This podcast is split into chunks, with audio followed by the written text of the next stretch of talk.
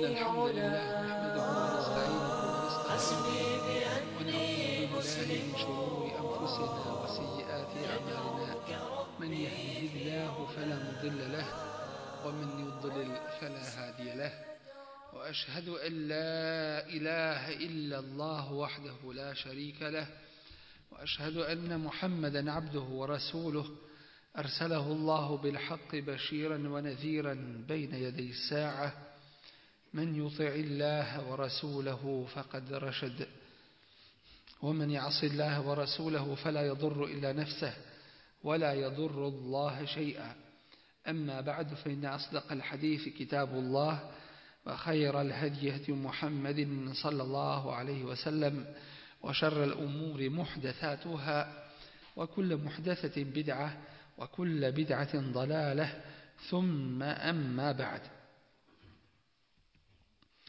Hvala i zahvala uzvišenom Allahu subhanahu wa ta'ala i salavat i salam na njegovog Rasula Muhammeda sallallahu alaihi wa sallam, njegovu časnu porodicu, čestite ashave i sve njegove istinske sljedbenike do sudnjega dana. Sa Allahom tebareka wa ta'ala pomoći počet ćemo sa tumačenjem sure El-Fetih koja je objavljena Rasulu sallallahu alaihi sellem na njegovom putu sa Hudejbije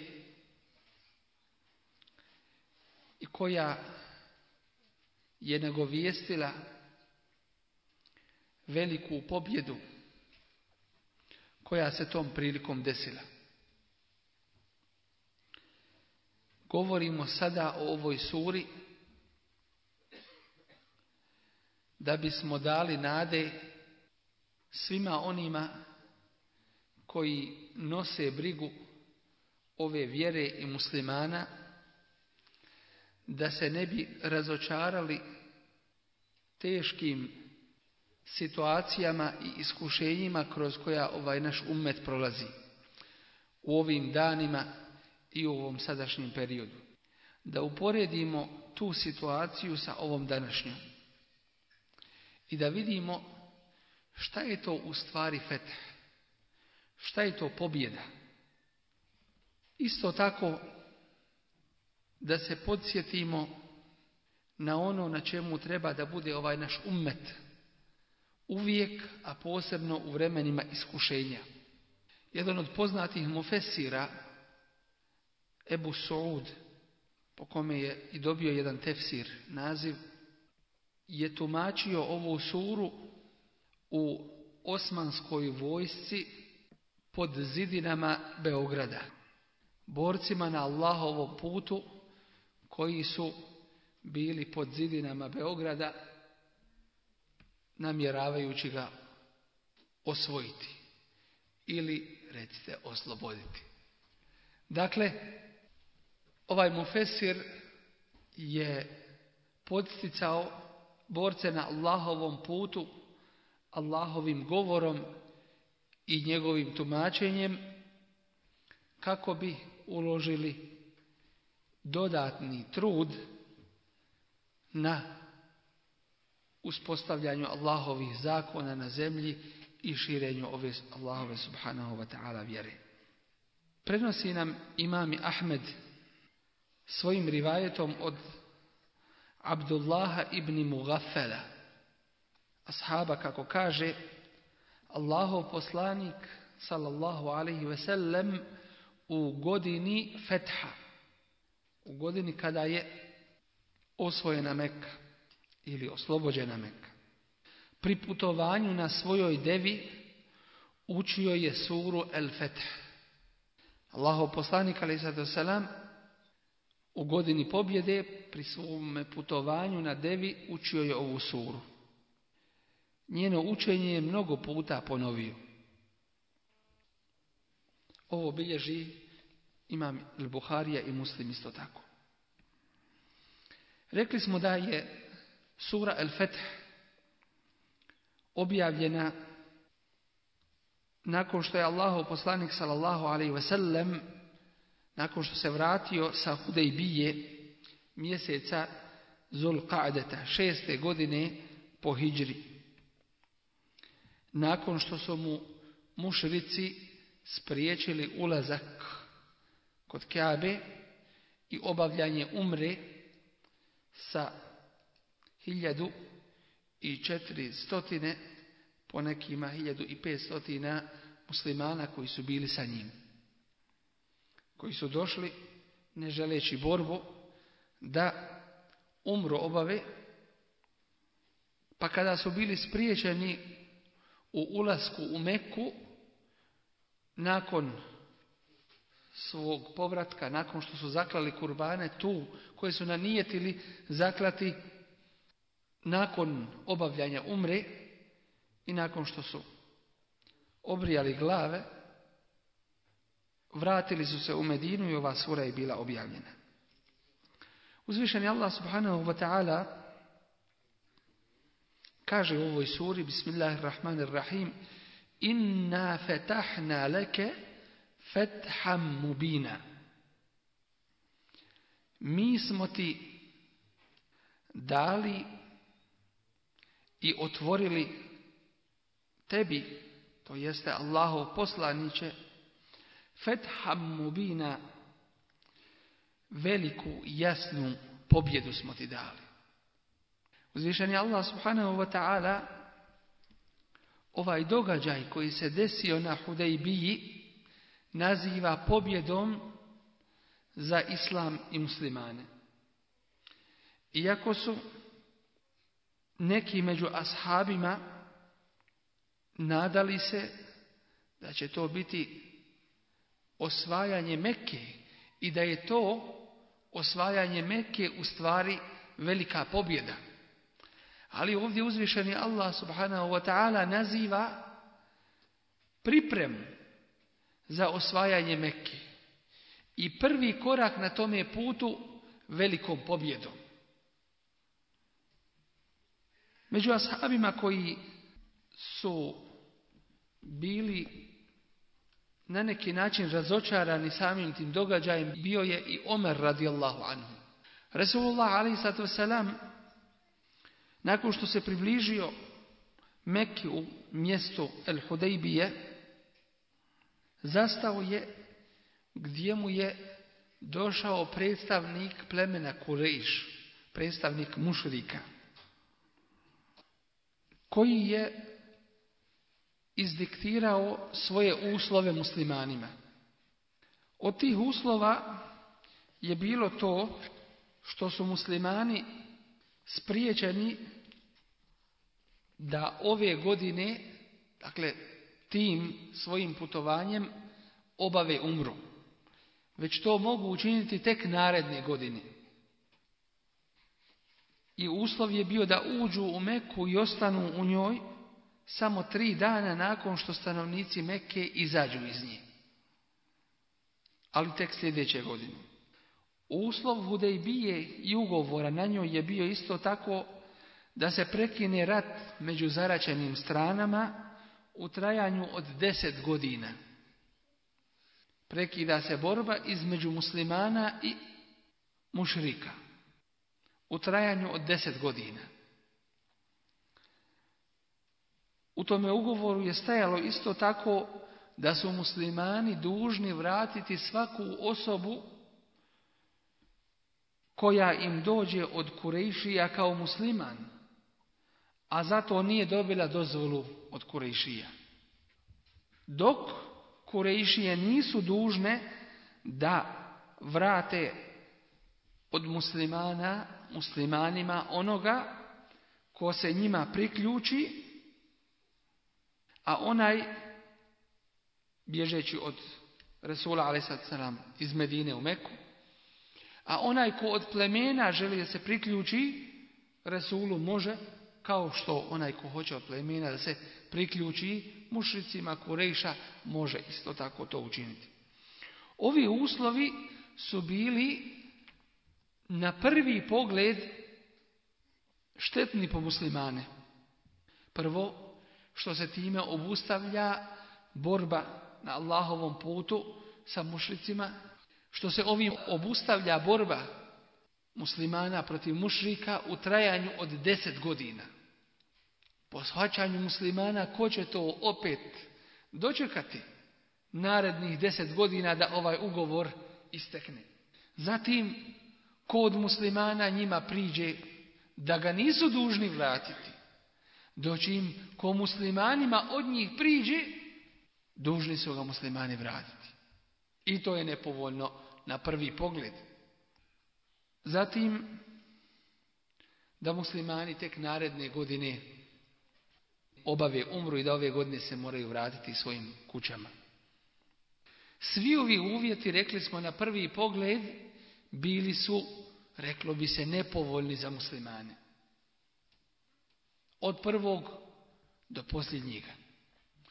Ali u stvari situacija je obrnuta. Svaki od ovih uvjeta koje su tražili mušrici u stvari bio je koristan za muslimane. O čemu se u stvari radi? Što se tiče prekida borbi između muslimana i mušrika. To je na korist muslimanima. Zato što su se obezbijedili od napada mušničkih na sebe i mogli su se posvetiti drugima. Mogli su se posvetiti židovima. Koji su neprestano date ugovore iznevjeravali. Mogli su se posvetiti pozivanju u islam slobodno i bezbjedno kretanju slobodno i bezbjedno. Dakle, mogli su se više posvetiti pozivanju ljudi u Allahovu subhanahu wa ta'ala vjeru. A to što je ovaj ugovor određivao da se ne smije ratovati deset godina, to je opet u korist muslimana. Jer muslimani su ti koji se drže ugovora. Doći im drugi to ne mogu ispoštovati. I zato prvu priliku koja im se pružila, to jeste mušricima, oni su je iskoristili da pomognu jedno pleme protiv muslimana. I samim tim ugovor su prekršili. Jer mušrik, jer kafir je taj koji se ne drži ugovora. Musliman ga se drži. I zato kada su bili mušnici u jednoj delegaciji kod jednog od vladara, on ih pita, a je li se on, to jeste Muhammed a.s. da li se drži on ugovora? Pa Ebu Sufjan, koji je tada bio mušrik, kaže, ni u čemu nije mogao naći da kaže da sumnju ubaci osim ovdje kaže mi smo sad pod ugovorom. Pa vidjet ćemo da li će ga ispoštovati. Dakle, nije htio reći do sada se držao ugovora. Nego sad smo pod ugovorom pa vidjet ćemo kako će biti. I zaista to je bilo svojstvo muslimana, a posebno Resula sallallahu sallam. Mušnici se toga ne drži. Dakle, ova prva tačka je u korist muslimana, što su se mogli posvetiti davi i mogli se posvetiti rješavanju drugih pitanja, obezbijedivši se sa strane mušrika da ih ovi neće napadati.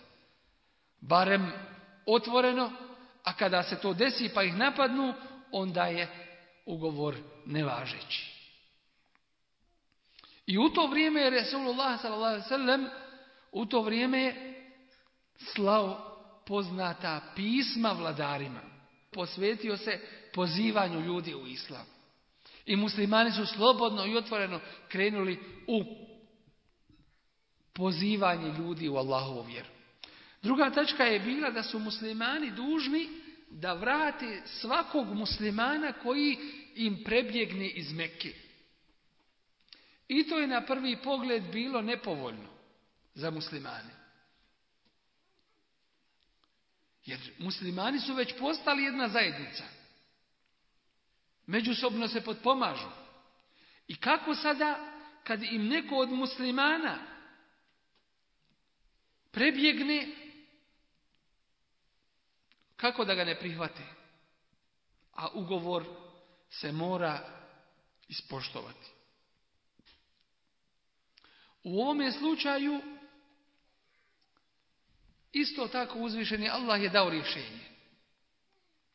Prvo, time što su muslimani koji ma je dat, dat priličan rok i prilično vremena da mogu već hijđru učiniti, već je i učinili.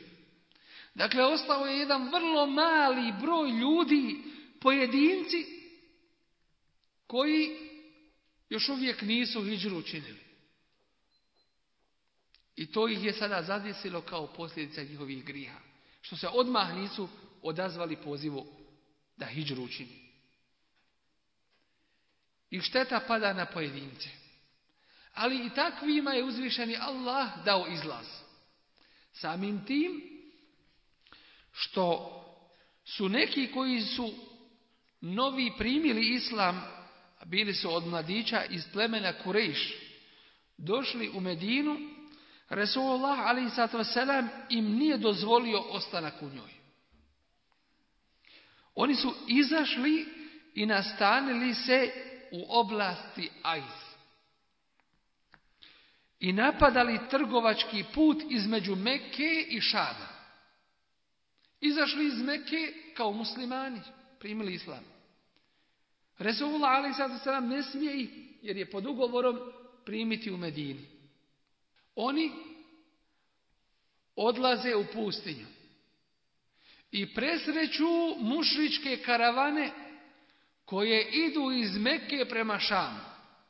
Zbog toga su Kurejšije lično zatražili od Resulullaha sallallahu alaihi wasallam da im dozvoli boravak u Medini. Samim tim nisu svjesni da su ga priznali i njega i muslimane u Medini. Jer dolaze i traže, što bi se reklo jednom u modernom jeziku diplomatskom, jednom diplomatskom notom tražili su od Resola ali sad sam da ih prihvati i da ih primi u Medinu da žive tu. Dakle, oni su sami tražili da ta tačka ugovora bude poništena i da bude nevažeća. I onda ih je Resola ali sad sam prihvatio. Zatim, od tačaka ovoga ugovora je bilo isto tako da se ne vrati niko ko od muslimana prebjegne mušicima. Prvo, i ako se pretpostavi da će neko od muslimana otići mušicima, takav je izgubio svoju vjeru i takav ne ima vjere. I takav ne valja i nije u redu. I bolje je da se takvog muslimani riješe i oslobode. I takav muslimanima i ne treba. Tako da je i to tačka koja je povoljna muslimanima i povoljna za muslimane. Što se tiče sljedeće tačke, a to je ko od plemena bude želio da se priključi muslimanima, ima pravo da se priključi. Što znači ovim mušnici priznaju muslimane kao jednu zajednicu, kao jednu državu koja neovisno obstoji od drugih i oni su taj centar kome se drugi priključuju. Dakle, ne može niko bilo kojem plemenu zabraniti da se priključi Resulu sallallahu sallam. To je svakako korisno za, za muslimane. A onaj ko hoće mušicima da se priključi, on se može mušicima priključiti kao što su se i priključivali do tada. A nisu pitali Resula ali sallam. Ko je za hak nek se istini priključi, ko nije nek ide na drugu stranu, ali da se tačno odvoji istina od neistini.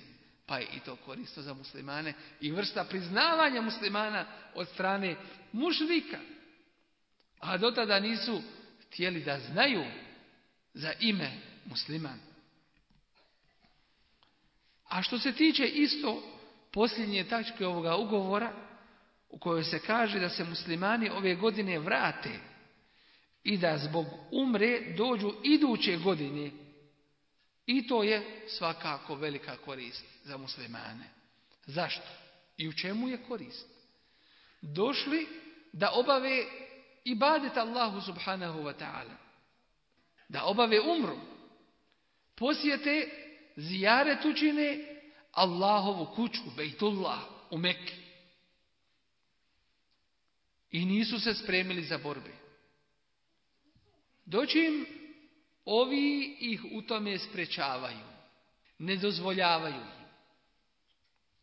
Šta mislite kad vi pođete u jednu džamiju? Hoćete da uđete u nju. A stane vam neko na vrata te džamije ili napiše na vratima džamijskim ili na oglasnoj ploči da ti se ne dozvoljava pristup u džamiju. Jel zbog toga što ti kažeš amin ili zbog ovoga ili zbog čega drugoga ali ne dozvoljavati se, i bilo je i takvih slučajeva, ne dozvoljavati se u džamiju da uđeš. Jako rijetki. Ili nekome koji je već u džamiji da mu se ne da boravak u džamiji. Ko je tu našteti? Je li onaj kome se nije dalo da uđe u džamiju ili onaj koji je spriječio da se uđe u džamiju? Onaj koji je spriječio da se uđe u džamiju. On je našteti. Jer šta će ljudi za njega reći? ne da da se Allahu ibadet čini. Tu su mušnici dobili jedan veliki minus. Zašto? Jer će ljudi reći, ljudi su došli ne da se bore, nego da ibadet čine Allahu, a ovi im ne daju. Niko to neće odobriti. Bez obzira što se radi o mušnicima. Zašto? Jer tu je veličanje Kabe, veličanje Allahovog imena i tako dalje. Tako da su tu veliki minus među ljudima doveli. A drugo, za muslimane je korisno bilo. U čemu? Kako će biti korisno? Zato što je to njima ispit. Resulullah a.s. prvo šalje Osmana radijallahu anhu. Šalje ga da pregovara sa mušecima. U tome času proširila se vijest među muslimanima da su mušrici ubili Osmana radijallahu anhu. I svakako u takvim časovima vrlo lahko se šire glasine i neistine i ljudi to vrlo lako prihvaćaju jer je sve prilagođeno tome i moguće je to da bude vrlo lako da se ostvari i da to bude istina. I zato su se ashabi okupili oko Resulullaha sallallahu alaihi wasallam. Šta da se čini? I tada su mu dali poznati zavjet, prisegu, riječ čvrstu, da će se boriti do smrti. Zavjet na smrt. Zavjet na žrtvovanje na Allahovom putu. Okupili su se oko Resula a.s. a bili su pod jednim drvetom. I svaki od njih pružao je ruku Resula Selam i davao mu taj zavjet. Taj zavjet se zove Bej'atur Ridwan zavjet ili prisega zadovoljstva. Čijeg zadovoljstva? Allahovog subhanahu wa ta'ala. A samim tim i zadovoljstva Resula sallallahu alaihi wa sallam. Lekad radijallahu anil mu'minine. Allah je zadovoljan mu'minima. Iz uneke tahte šeđara. Kada su ti davali prisegu Allahu poslaniće pod drvetom.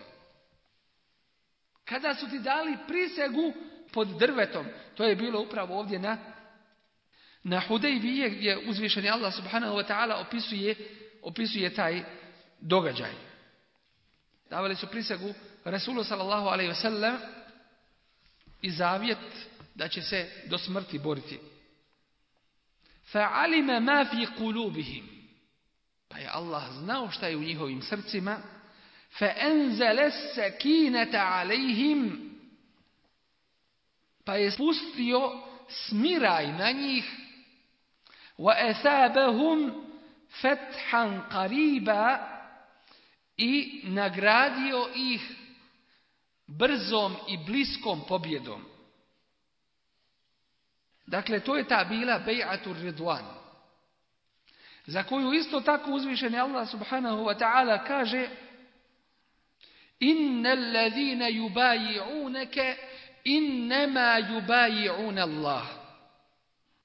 Zaista, oni koji su ti se zakleli na vjernost, zakleli su se na vjernost samom Allahu.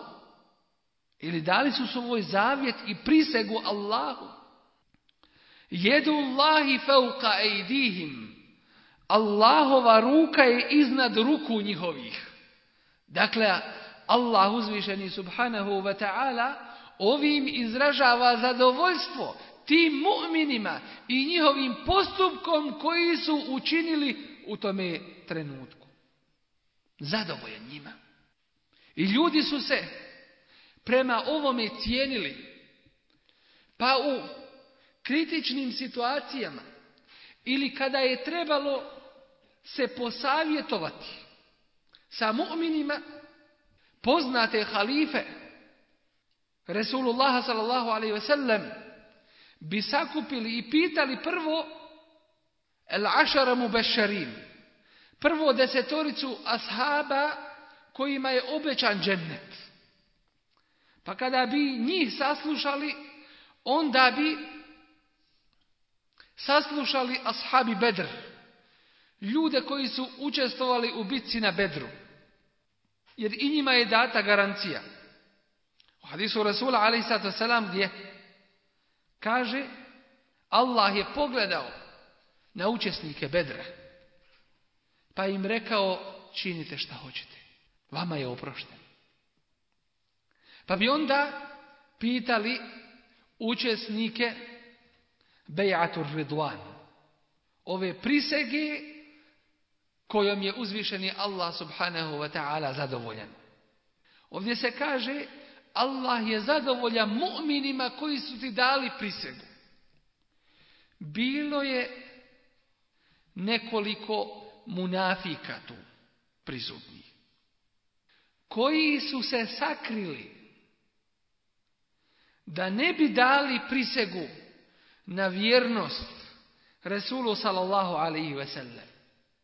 Pa je Allah svoju blagodat dao onima koji su dali prisegu. A ta blagodat munafike nije obuhvatila. I na kraju koje je našteti? Upravo oni koji su se bojali žrtvovati na Allahovom putu. Uskratili od Allaha i Allahu požrtvovanje pa je Allah od njih uskratio svoj rahmet i svoje zadovoljstvo. Pa njih ovaj ajet ne obuhvata.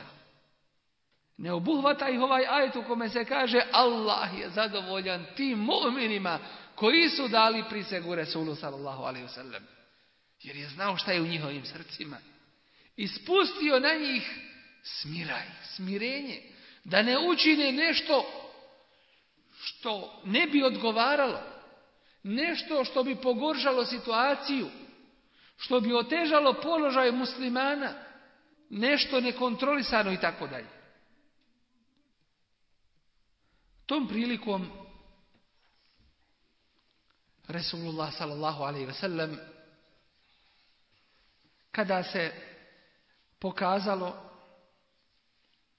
da muslimani neće moći ući u Meku i obaviti umru te godine,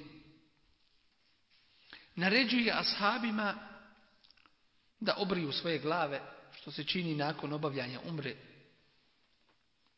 i da zakolju svoje kurbane na tome mjestu.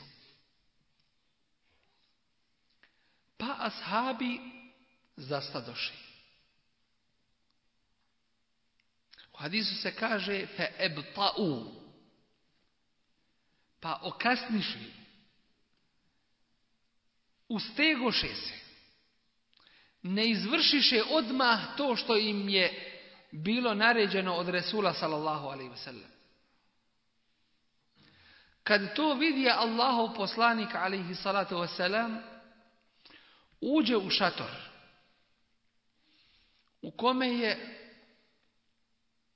bila njegova Mubarek žena Ummu Seleme. Pa reče tom prilikom poznate svoje riječi teško li se ljudima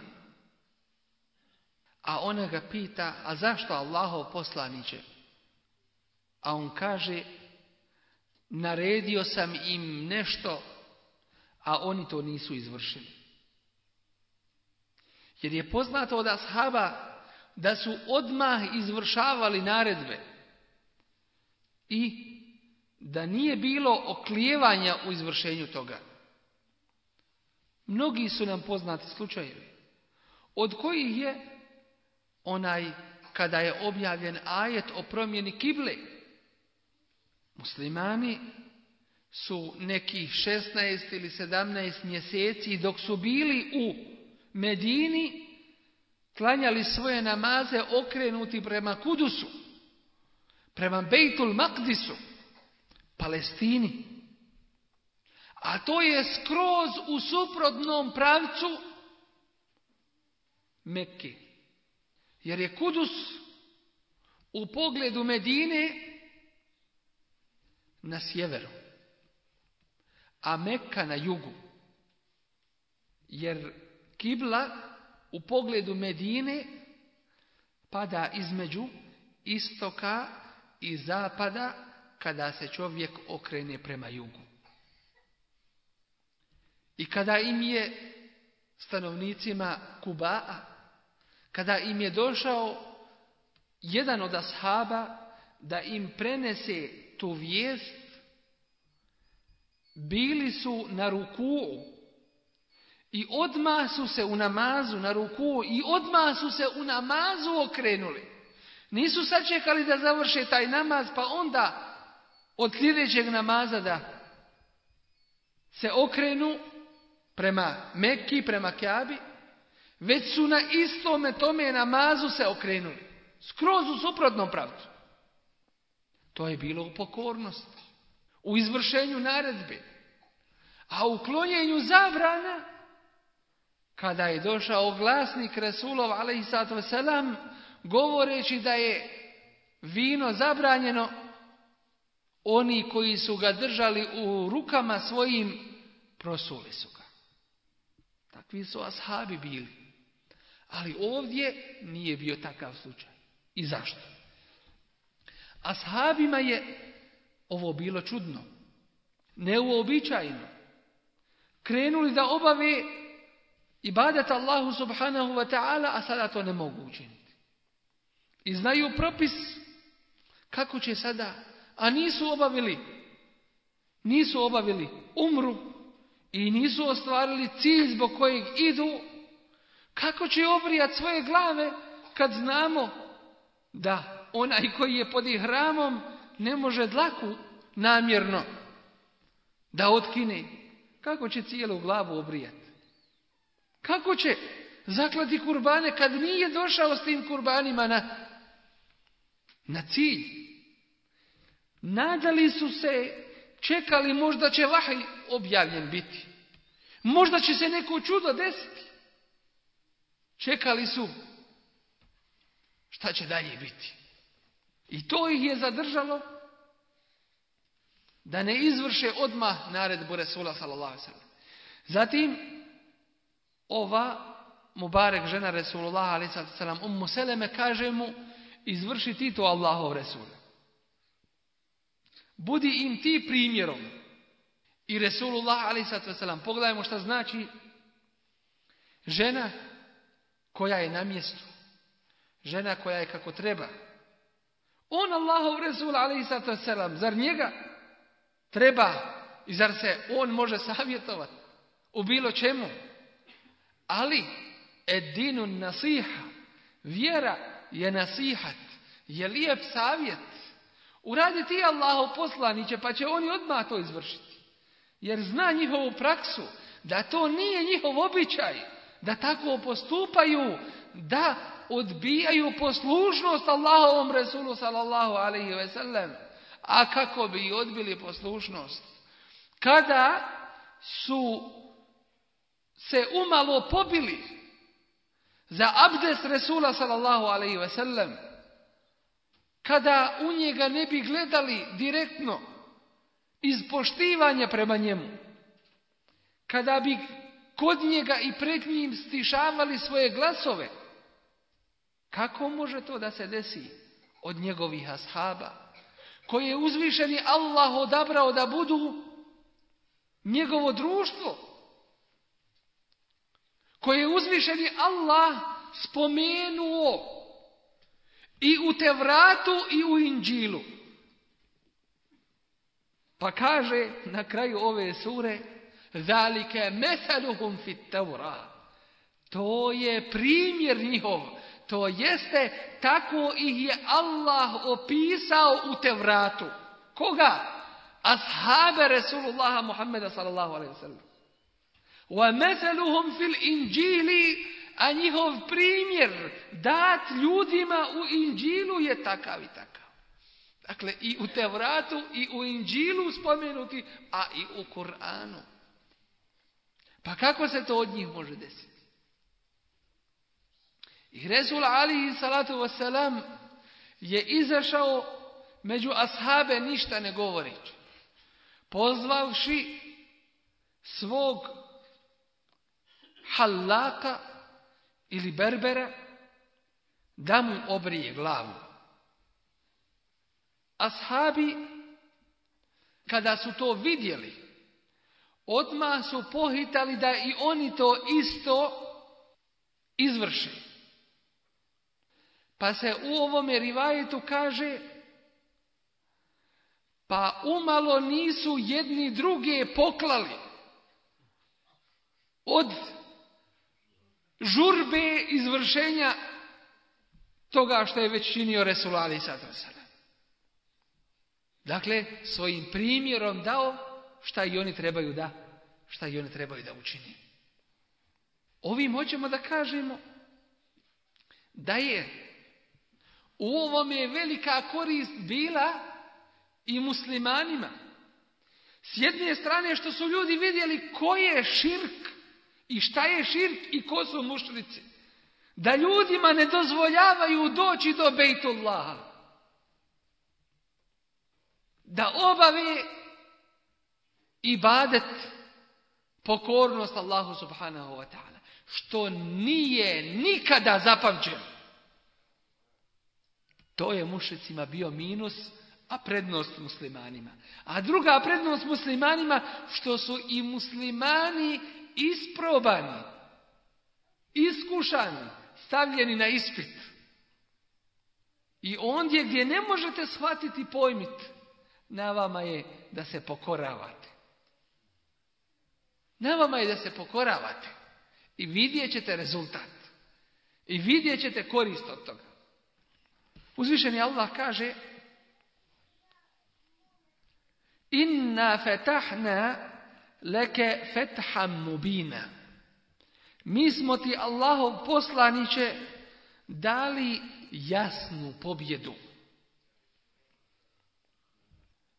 Prenosi se od Elbera radijallahu anhu da je rekao vi smatrate da je el feth pobjeda ovdje spomenuta u ovoj suri pobjedonosni ulazak u Meku. Oslobođenje Mekke jeste bila pobjeda. Ali pobjeda u pravom smislu riječi jeste prisega Ridvan. Bejatur Ridvan. Ovaj događaj na Hudejbije, Na dan Hudejbije. Kada nas je sa Allahovim poslanikom bilo 14 stotina. Tako su oni to računali. Po stotinama. Pa kad dođe do stotina, onda kažu stotina. pa 11 stotina i tako da 14 stotina znači 1000 i 400. Hudejbija to je izvor i potom je i nazvano to mjesto Hudejbijom, potom je izvorom. Iscrpili smo ga tako da u njemu nije ostalo nimalo vode, kaže ovaj to je čuo Allahov poslanik sallallahu alaihi veselem te je prišao bunaru i sjeo na njegov kraj. Zatražio je jednu posudu vode kojom je uzeo abdest i isprao usta te proučio dovu. Zatim je vodu sasuo u bunar. Zakratko smo se odmaknuli od bunara da bi potom i mi i sve ostalo društvo pili koliko nam je volja. Dakle, to je jedna blagodat koju je Allah Đelešanu dao Resulu Salasalem i to je jedna od njegovih opipljivih materijalnih muđiza. Mnoge su mu date, a ovo je jedna od ovih opipljivih muđiza koje su vidjeli i osjetili njegovi, njegovi ashabi. A danas Rasul Resula s.a.v. koja je među nama, to je šta? To je Kur'an i Kerim, u kome vidimo isto ono što su njegovi ashabi vidjeli od tih događaja u njegovo vrijeme, kao što je društvo Musa a.s. vidjelo da se štab pretvara u zmiju, a društvo Isa a.s. vidjeli da Allahovom voljom oživljava mrtve, tako mi vidimo u Kur'an i Kerimu te Mođize. I te nadnaravne pojave i ta čuda koje su nam jasnim, čvrstim i nepobitnim dokazom istinitosti i izvornosti ove vjere.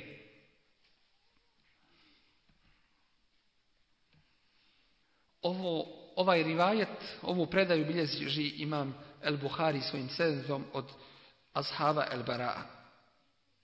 Imam Ahmed prenosi od Enes ibn Malika, a isto tako ovo se spominje i kod Buharije i muslima, rivajetom od Katade. Gdje se kaže objavljen je Allahovom poslaniku sallallahu alaihi ve sellem kuranski ajet li jagfira laka Allahu ma kaddeme min dhanbika wa ma ahar Da bi ti Allah ranije i kasnije grijehe oprostio. Ovaj ajet je objavljen na povratku sa Hudejbije.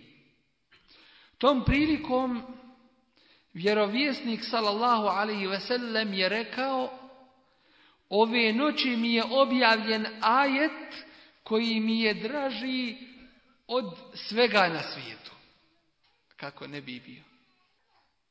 Ovim mu se garantuje Allahovo zadovoljstvo i stepen kod Allaha subhanahu wa ta'ala u džennetu. Zatim je Resulullah sallallahu alaihi sallam ovo proučio pred prisutnima, a oni mu rekoše, to jeste njegovi ashabi, rekoše mu, sretno ti i u zadovoljstvu ti to bilo. Dakle, što bismo mi rekli, šta? Čestitali mu ili po starinskom Mubarek Lejsalim.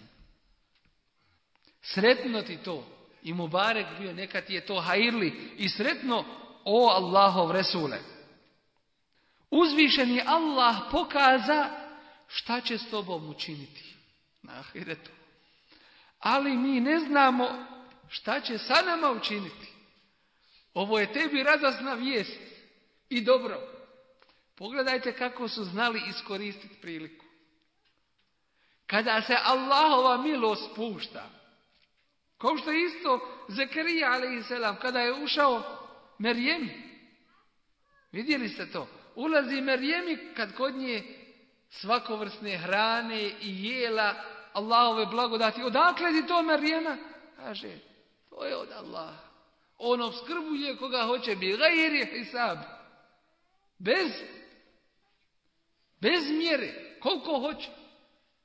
Honalike, kad to vidje Zekarija, Allahu odmah da ovo uputi. Koristi priliku, daje se imeni Allahu. Treba mi. Hunalike da'a Zekerija rabbahu. Tu se moliti svoga gospodara govoreći Rabbi hebli min ladunke zurrijetan tajibe. Bože ti mi podari od tebe lijep porod. Tako ovdje ashabi. Kada im je to rekao Rezul alaihi salatu wasalam. Da mu je to draže od svega na ovome svijetu.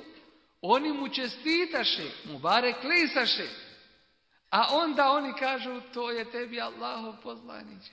Ali mi ne znamo šta će s nama biti.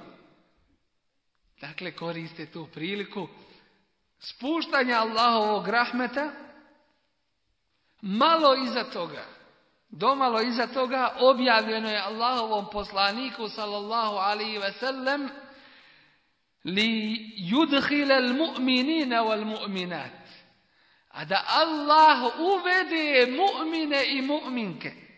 Džennatin teđri min tahti al enhar. U džennete ispod kojih teku rijeke. Dakle, njima isto tako radosna vijest.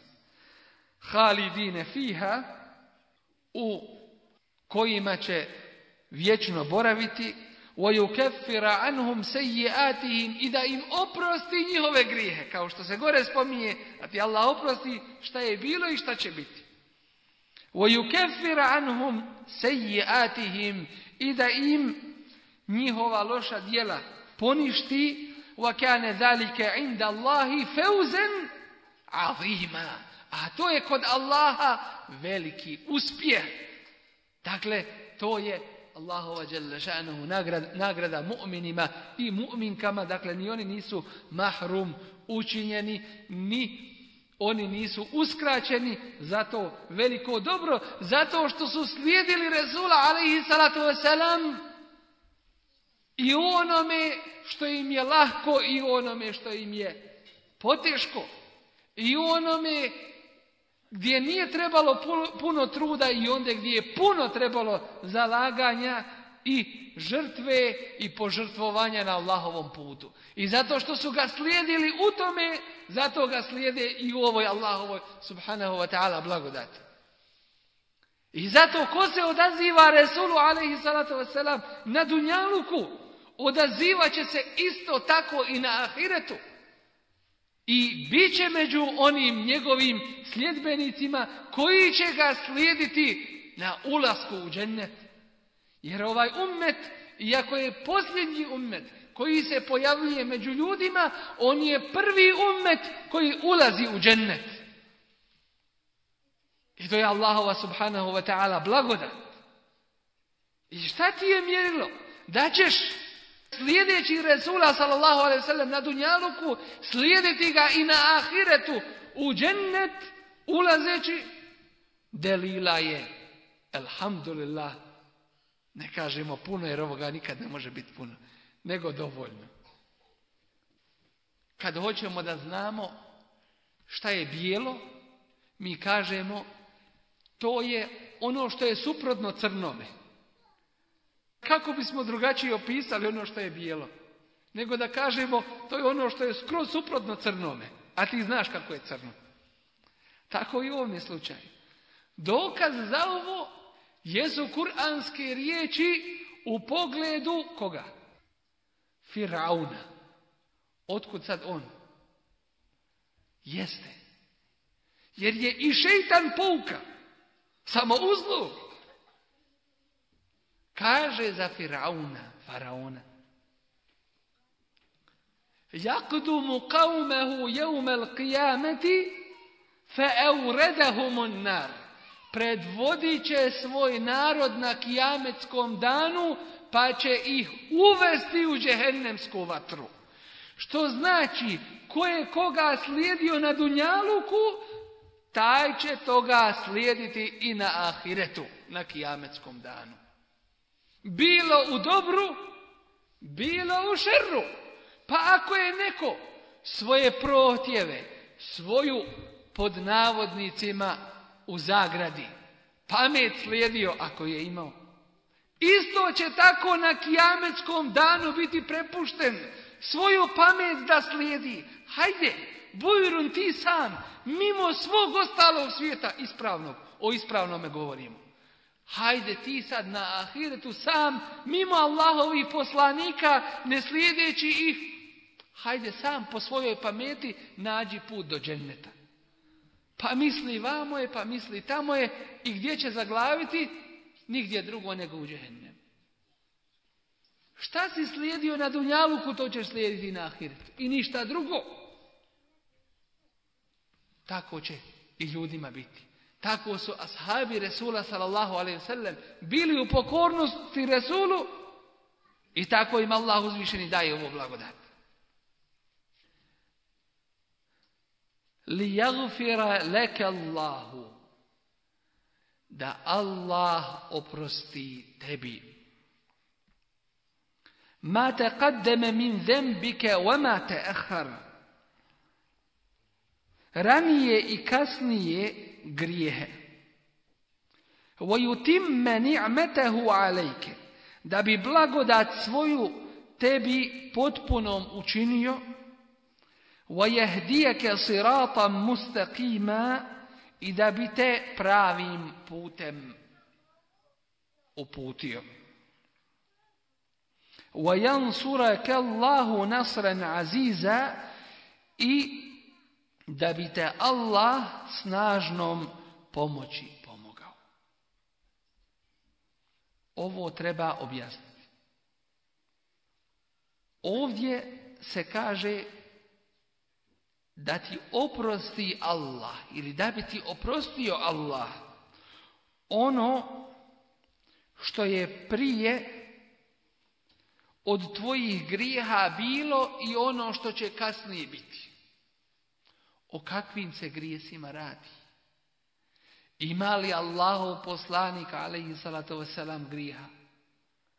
Jer kada se kaže opraštanje grijeha, šta to znači? Znači da nešto ima. A šta je to nešto? I o čemu se radi? Jer u osnovi da nečega ne ima, ne bi se to trebalo ni, ni opraštati. Jer uzvišeni Allah ne kaže nešto da će dati što već postoji ili da nešto neće dati čega već nema. U ovome slučaju kada oglaša i kada obećava oprost znači da je on potreban. A zašta? Kad se vratimo na kuranske ajete vidjet ćemo da oni spominju par situacija u kojima se našao Resul sallallahu alaihi sellem. I on je najodabraniji Allahov poslanik i najodabraniji Allahov rob. I nije slučajno ga uzvišeni subhanahu wa ta'ala učinio da bude hatemen nebijin, pečatom svim Allahovim poslanicima. A šta je pečat? Zaključak i završnica. A kakav je zaključak i završnica? Najbolji i najslađi i najdraži.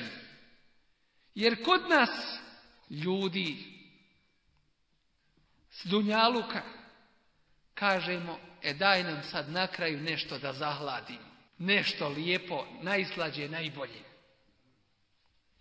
Ili se kaže ovo je začin, zadnje što gore dolazi. Dakle, to je nešto najbolje. I on je primjer kako Allahovim poslanicima i vjerovjesnicima, tako u cijelogubnom čovječanstvu. Primjer rada, primjer takvaluka, bogobojaznosti, pokornosti Allahu subhanahu wa ta'ala, Jednom prilikom trojica ljudi su došli da pitaju ženu Allahovog poslanika Resula Ali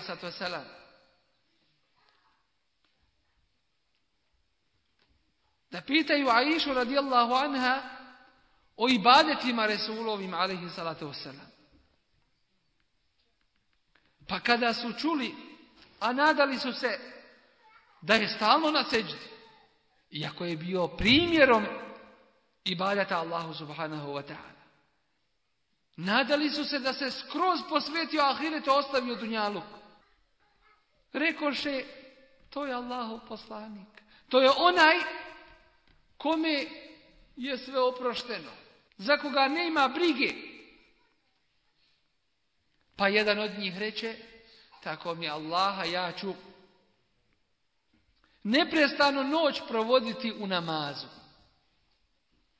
A drugi reče, ja ću stalno postiti. Svaki dan. A treći, da se neće ženiti.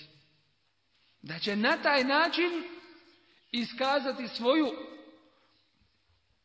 svoje odricanje od ovoga svijeta. I svoju predanost ahiretu. Kad je to čuo Resul alihi salatu wasalam, sakupio je ljude. Sakupio narod. Pa im rekao, tako mi Allaha zakleo se. Iako vallahi da se nikada ne zakune. Pa on je taj koji je sadikul masduk.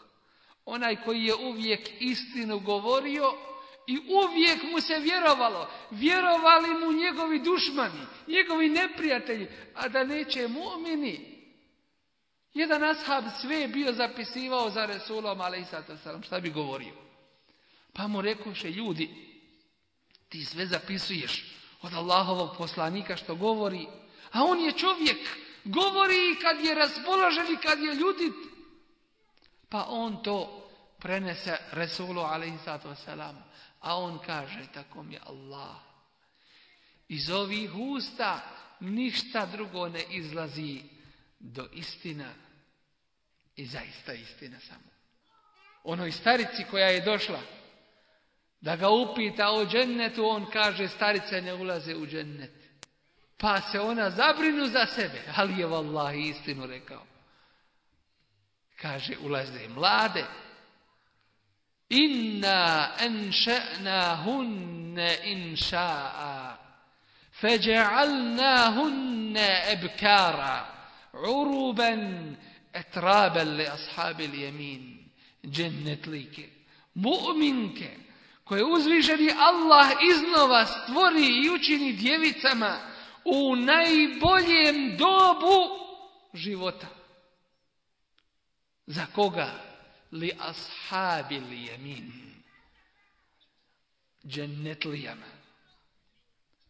Uvijek istinu pa toj skupini i ders i i svima ostalima kaže tako mi Allah. Ja sam najbogobojazniji među vama.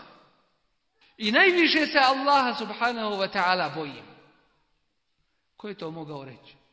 Samo Resul alaihi salatu Niko od nas. Ali ja i klanjam i odmaram.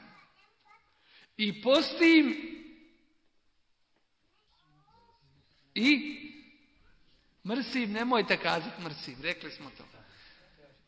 I ima vremena kad ne postim. Jer mrsiti to nije naš muslimanski izraz. To je kod drugi koji kad poste ne jedu mrs, pa kad se po njihovom iftare kažu omrsili se. Pojeli mrs pa prekinuli svoj post a drugo nek jede šta god hoće. Nije kod nas omrsio se, nego iftario se. Ili prekinuo post, ili iftario se, ili nije postio. Dakle, i postim, i ima vremena kada ne postim. I ženim se, i ženim se, kaže. Jeste. I ko se odrekne moga sunneta, ja vidim da se i stariji posmijehuju, nije samo mlađi. Elhamdulillah, to je fitra. To je, to je u prirodi čovjekovoj. I kod koga nije tako, nije normalno, nije uobičajeno. Nije, nije onako kako bi trebalo. Pa ko se odrekne moga sunneta, فَمَنْ an sunneti fele se minni. Takav nije onda od mene. Dakle, najbogobojazniji, naj, najviše se boji uzvišenog Allaha subhanahu wa ta'ala. O kakvim grijesima se radi? O kakvom opraštanju grijeha? O čemu je govor? Ovo je specifičnost i karakteristika Resula sallallahu alaihi ve sellem. I ovim mu se odaje počast i veličanje. Jer je on u svim prilikama bio u potpunoj pokornosti Allahu subhanahu wa ta'ala i svako njegovo dijelo uvijek je bilo ispravno. Resulullah sallam je u stvari najpotpunija ličnost i prvak svih ljudi i prvih i posljednjih i na Dunjaluku i na Ahiretu. I niko nije bio dosljedan u sprovođenju Allahovih naredbi i klonjenju zabrana kao što je on, alaihi salatu wasalam. U slučaju sa munaficima, kaže uzvišeni Allah subhanahu wa ta'ala, ank. Allah ti oprostio. Lime Zašto si im dao izum? Zašto si im dozvolio? Da ne idu u bitku. To je jedan slučaj koji ćemo Allah, drugom prilikom podrobnije opisati. Drugi, abese wa tawalla. Namrštio se i okrenuo. U času kada je govorio sa predstavnicima Kureša, mušricima, čiji je islam prižek, priželjkivao da bi i njegov cjelokupni narod ga prihvatio. Pa u tome času dolazi i slijepac koji mu se obraća. A Resul alaihi salatu wasalam znajući stav prvaka Kureša, mušrika, u pogledu muslimana koji nisu imali položaja među narodom, niti su bili nekog posebnog roda.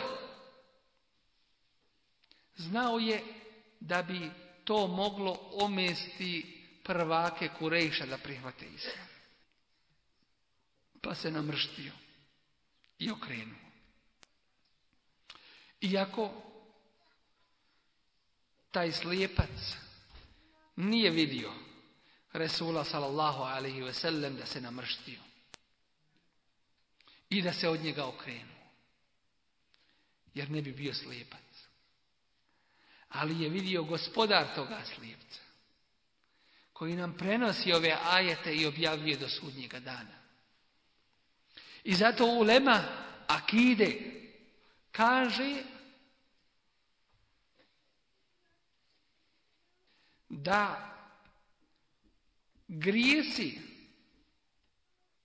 Allahovih poslanika su u stvari dobra dijela onih koji nisu na njihovom stepenu.